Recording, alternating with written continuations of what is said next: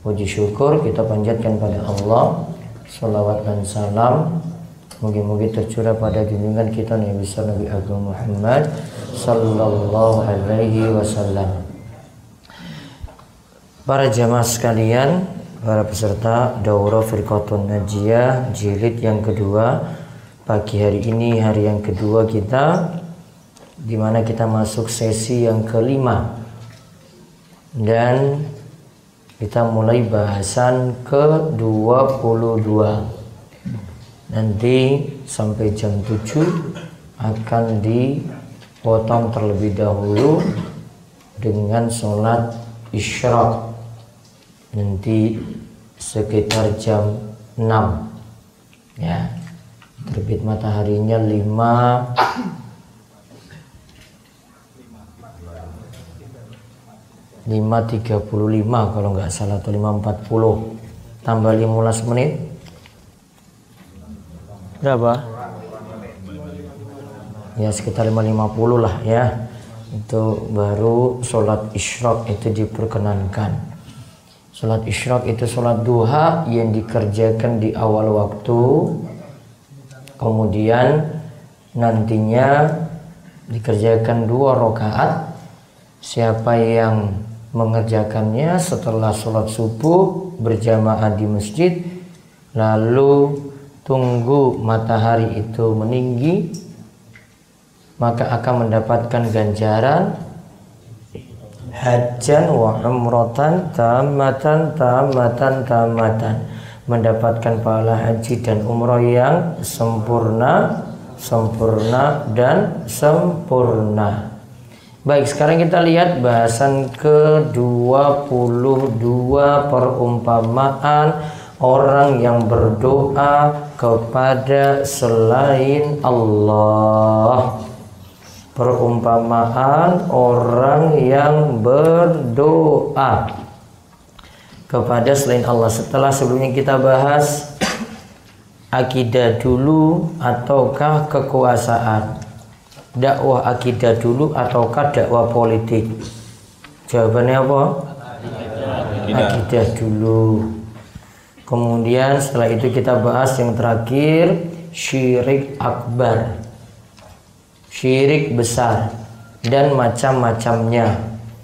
Terus setelah ini kita bahas masih kaitannya dengan syirik permisalan mayyad'u ghairallah permisalan orang yang berdoa kepada selain Allah. Berarti masih dalam tema syirik yang kita bahas. Ini karena temanya itu penting sekali. Matanya itu dipertahankan. Kalau subuh kayak gini, wah enak banget itu. Enak apa? Nah, Godaannya lebih besar. Ditahan sebentar saja sampai jam 7. Nanti setelah jam 7 karepku nih mau mau tidur ya monggo. Yang penting jam 9 Dawud ini lagi kajian akbar. Siap ya?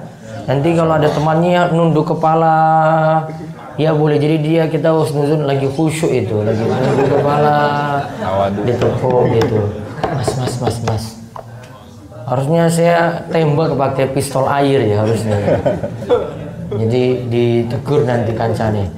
Mas mas mas tangi mas. Ini lagi bahas syirik loh nanti salah dengar. Dikira itu bukan syirik ternyata syirik. Parah nanti ini. Jadi tidur pada saat pembahasan syirik itu bisa buat anda jadi musyrik. Hati tidur ketika pembahasan apa? Syirik itu bisa buat anda jadi musyrik. Karena nanti salah dengar nanti. Berdoa kepada selain Allah. Nah, dia salah dengar. Dia bilang wah itu bukan syirik. Wah kemarin saya dengar. Padahal dengarnya lagi khusyuk tadi. Nah. itu ya. Nanti ditegur temannya ya. Siapkan air. Nah itu kalau Pak Yoyo itu loh. Kalau ngantuk disemprot ini sendiri. Ya kalau enggak ambil wudhu di luar ya di tempat wudhu lanjut Siap-siap loh ini. Nggak boleh ngantuk. Ya. Bismillah. Taib, dibaca. Perumpamaan orang berdoa kepada selain Allah. Allah berfirman, "Wahai manusia, ada sebuah perumpamaan yang perlu kalian perhatikan. Sesungguhnya sesembahan-sesembahan selain Allah yang kalian sembah itu sekali-sekali tidak akan dapat membuat seekor lalat walaupun mereka bersatu padu untuk menciptakannya. Dan jika seekor lalat merebut sesuatu dari mereka, tiadalah mereka itu dapat merebutnya kembali. Amat lemahlah yang menyembah maupun yang disembah. Quran surat Al-Hajj ayat 73. Allah mengajak kepada segenap manusia untuk memperhatikan perumpamaan agung yang telah dibuatnya.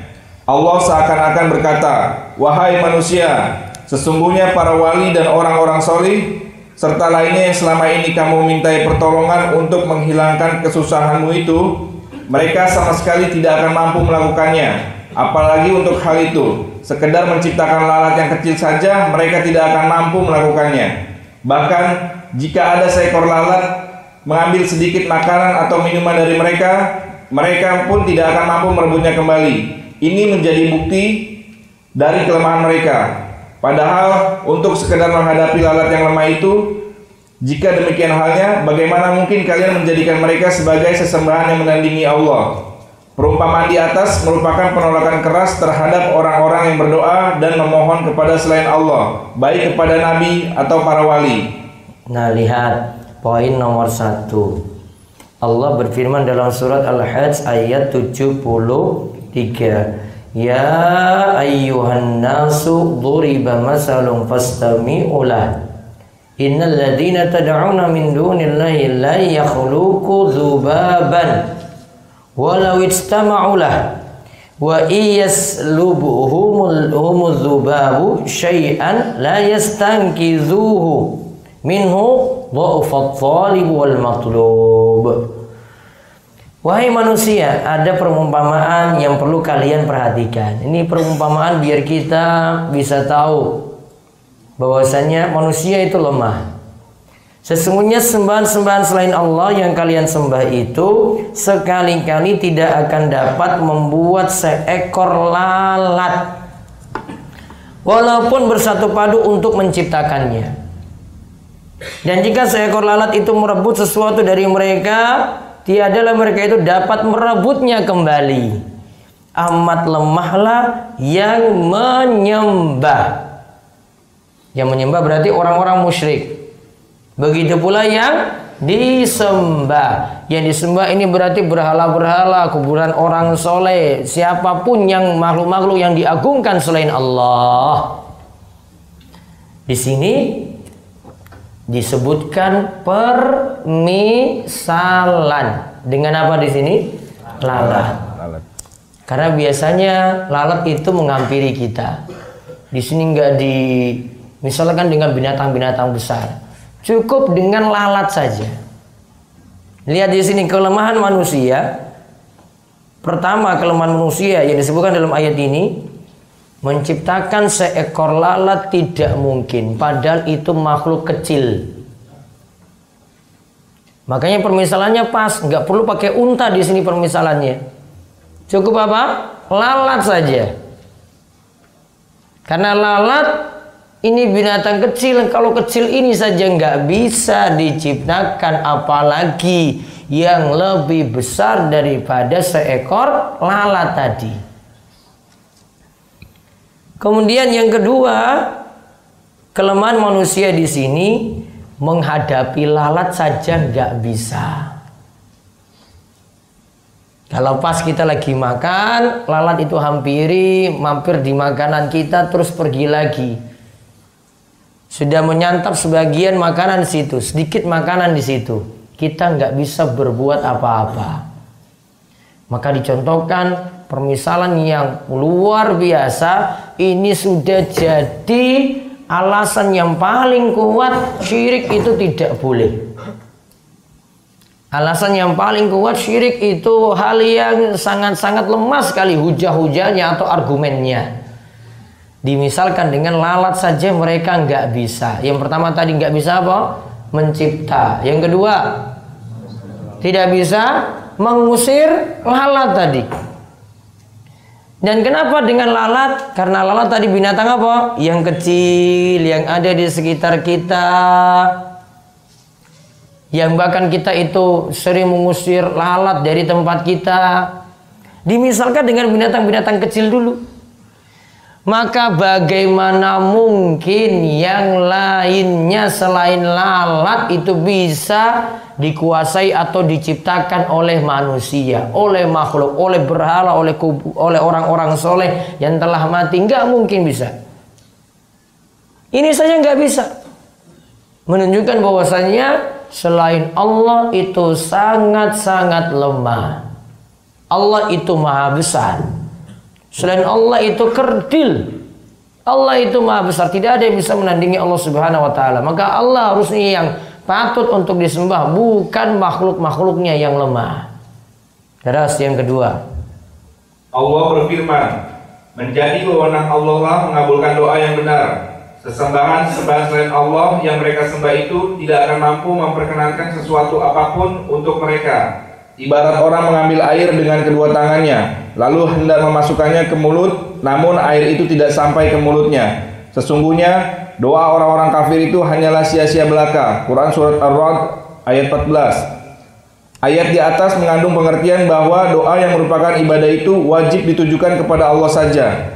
Orang-orang yang berdoa dan memohon kepada sesembahan-sesembahan selain Allah mereka itu tidak akan mendapatkan manfaat sedikit pun dari sesembahan-sesembahan yang disembahnya itu. Ibarat orang yang hendak mengambil air dari dasar sumur dengan kedua tangannya, maka jelas dia tidak akan bisa melakukannya. Mujahid berkata, ibarat orang yang meneriaki air sambil berisyarat dengan tangannya agar air itu naik. Yang jelas-jelas sampai kapan pun tidak akan bisa terjadi. Lihat kitab tafsir Ibnu Katsir. Kemudian Allah menghukumi kafir orang-orang yang berdoa dan memohon kepada selainnya dan mengatakan bahwa doa mereka hanyalah sia-sia belaka. Allah berfirman, dan doa orang-orang kafir itu hanyalah sia-sia belaka. Quran surat Ar-Rod ayat 14. Maka dari itu, wahai saudaraku sesama muslim, jauhilah berdoa dan memohon kepada selain Allah, karena hal itu akan membuatmu kafir dan tersesat Berdoalah kepada Allah yang mempunyai kemampuan mengabulkan sehingga engkau akan menjadi orang-orang yang beriman yang bertauhid. Di sini dimisalkan dengan apa? Lihat. Lahu da'watul haq. Menjadi wewenang Allah untuk mengabulkan doa yang benar. Walladzina yad'una min dunihi. Dan apa yang mereka sembah selain Allah? Tidak akan mampu. La yastajibuna lahum bisyai tidak akan mampu memperkenankan sesuatu apa pun untuk mereka. Illa kabasiti kafaihi ilal ma. Ibarat orang mengambil air dengan kedua tangannya. Liyabluwa fahu wa ma huwa bibalighihi wa ma du'aul kafirina illa fi Ibarat orang yang mengambil air dengan kedua tangannya lalu hendak masukkannya ke mulut namun air itu tidak dapat sampai ke mulutnya. Ya sungguhnya doa orang-orang kafir itu hanyalah sia-sia belaka. Lihat perumpamaannya di sini diterangkan oleh Syekh Muhammad bin Jamil Zainu. Ini loh ada air dari sumur. Dari dasar sumur. Ya, sumur itu kira-kira uh, tingginya berapa meter dalamnya? Ya, ada 5 meter lebih bisa. Dia ambil cuma dengan menggunakan tangan, tangan saja. Mau bawa naik ke atas. Apa yang terjadi coba? Enggak ada apa-apa. Maka berdoa kepada selain Allah jadi sia-sia. Ibaratnya lagi kata mujahid, itu seperti orang yang teriak-teriak minta air dari dalam sumur tadi sambil berisyarat dengan tangannya agar air itu naik. Hmm, agar air itu naik. Air naik enggak? Enggak naik-naik juga. Dia cuma teriak-teriak, cuma berisyarat saja. Jadi dia butuh air. Air enggak mungkin jalan sendiri naik ke atas. Maka ibaratnya orang yang berdoa kepada selain Allah itu seperti itu.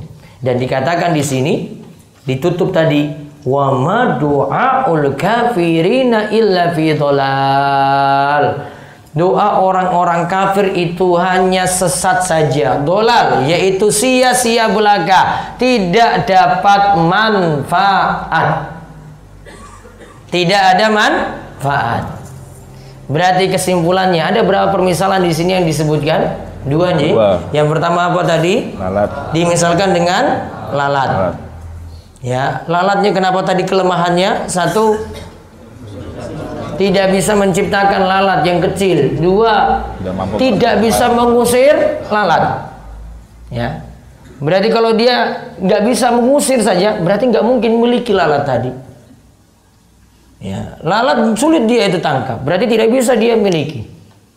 Maka kalau lalat saja tidak bisa dia miliki, berarti bagian bumi mana pun itu tidak bisa dia miliki. Nah ini sekaligus bantahan. Kemarin kan kita bahas ada aliran sufi yang menyatakan bahwasanya ada bagian bumi tertentu dia itu kuasai, walinya itu kuasai. Ya kan? Ya. Itu syirik dalam apa kemarin? Coba lihat. Itu penyebutannya syirik dalam apa? Tasarruf. Tasarruf. Ya kan? Syirik dalam tasarruf itu apa? Ada bagian bumi tertentu yang dikuasai oleh wali sufi. Ya kan? Dia katakan ini oh bagian ini, ini ini wilayah dia ini. Wilayah kekuasaannya. Uang untuk kuasai lalat saja nggak bisa loh itu. Bantahannya itu mutlakan sudah nggak bisa lagi bantah itu. Lalat saja kamu nggak bisa tangkap loh itu. Ngusir lalat saja kamu nggak bisa, tangkap lalat saja nggak bisa. Apalagi mau menguasai satu bagian dari bu bumi. Yang wilayahnya lebih luas loh. Maka kadang di sini Allah itu membantah itu dengan menggunakan logika yang masuk langsung pada orang-orang musyrik. Namun orang musyrik yang ngel-ngelan nggak mau, pokoknya wes sudahlah ini sudah jadi tradisi. Sudah dari simbah-simbah dulu, dari nenek moyang dulu, ya sudah seperti itu. Saya cuma manut saja. Kalau nggak mau manut nanti wah saya kena kualat, kena musibah, kena bencana, kena tsunami, kena gelombang besar dan seterusnya. Maka Allah bantahnya itu dengan logika. Yang kedua logika kedua itu ibarat seperti orang yang ngambil air dari dasar sumur dengan menggunakan apa? Telapak tangannya. Mau naik nih. Ada mungkin yang butuh air, dia bawa naik dari dari bawah itu ke atas 5 meter itu munggah. Naik, naik, naik, naik, naik. Ya pasti jatuh loh, belum lagi dia pegangan di situ loh. Berarti kan nggak berpikir kan? Nggak tahu cara yang benar ngambil air coba. Mending kayak ada cerita tentang seorang wanita pelacur yang lihat anjing itu dalam keadaan haus. Maka dia lepas itu sepatunya atau kainnya, dia turun di bawah sumur sampai bawah sumur, kemudian dia bawa naik itu air di wadah kainnya atau di sepatunya. Nah, kayak gitu tuh. Itu baru bisa. Ada keutamaannya di sini kalau memberikan minum pada hewan yang butuh air coba. Keutamaannya itu Nabi SAW sebutkan dalam hadis wanita ini dosa-dosanya itu diampuni. Dikarenakan bantu makhluk yang butuh air. Itu baru ngurus anjing loh itu. Namun ingat ini bukan jadi dalil anjing. memelihara anjing. Melihara anjing punya beberapa mudorot. Satu, anjing itu najis. Ya kan? Najisnya mughalladhah, mukhaffafah atau mutawassithah? Mughalladhah. Kalau dalam mazhab Syafi'i seluruh tubuhnya itu mughalladhah. Yang kedua, mudorot yang kedua, pahalanya setiap hari berkurang satu kirot. Terus yang ketiga, apa yang ketiga mudarat memelihara anjing yang ketiga apa? Hah? Malaikat tidak akan masuk dalam rumah yang memelihara anjing. Namun ini ranah goib. Ya, nggak boleh nanti ada yang beralasan wah saya pelihara anjing saja biar malaikat maut itu nggak mau masuk dalam rumah. Ini sudah masuk ranah ke goib. Wah saya pasang gambar dalam rumah biar nanti malaikat sulit masuk. Wah malaikat maut nggak pakai mikir itu. Malaikat rahmat itu yang dimaksud, bukan malaikat maut. Kalau memang jatahnya ya sudah ditentukan oleh Allah takdirnya ya mati ya sudah. Nggak ada yang bisa menolak. Mudorotnya tiga. Maka kalau lagi viral kok cewek pakai cadar memelihara anjing berarti orang bener. Ya, berarti nggak benar. Tiga mudorot tadi. Ya kan ada viral kan kemarin? Yang cadaran memelihara anjing. Yuk dia yang jelek kok. Apa pakai cadar itu langsung benar? Iya. Yang cadaran nggak ada yang selfie-selfie? Oh, banyak malahan malah bikin galau kalian itu. Ya kan? Dia buat video pakai kertas. Ya kan? Oh, kertas kertas. Saya siap menunggumu gini gini gini gini. Lebih terfitnah besar itu. Penasaran ini. Masya Allah itu iya apa gimana itu bikin fitnah aja. Jadi bukan patokannya itu, patokannya dia pegang syariat atau tidak. Bukan karena dia itu cadar langsung benar itu. Oh, uh, ini saja yang cadaran saja pelihara anjing loh. Masa kamu sampai protes ini? Apa benarnya dia? Cadar juga ada yang masuk golongan Syiah kok. Iya kan? Bolak balik nikah apa? Mut'ah bolak balik nikah mut'ah cadaran itu. Ya. Jadi bukan jadi standar cadar. Namun lihat dia pegang syariat atau tidak, bukan cadarnya itu. Cadarnya iya sudah benar di situ. Namun lihat pengamalannya itu kayak bagaimana. Nah, maka kembali ke dua hal ini intinya sesembahan orang musyrik itu punya kelemahan. Kemudian kesyirikan yang mereka perbuat hujahnya, argumennya, alasannya sangat-sangat lemah. Dan perbuatan syirik tidak manfaat dengan dua permisalan tadi. Wallahu a'lam bishawab.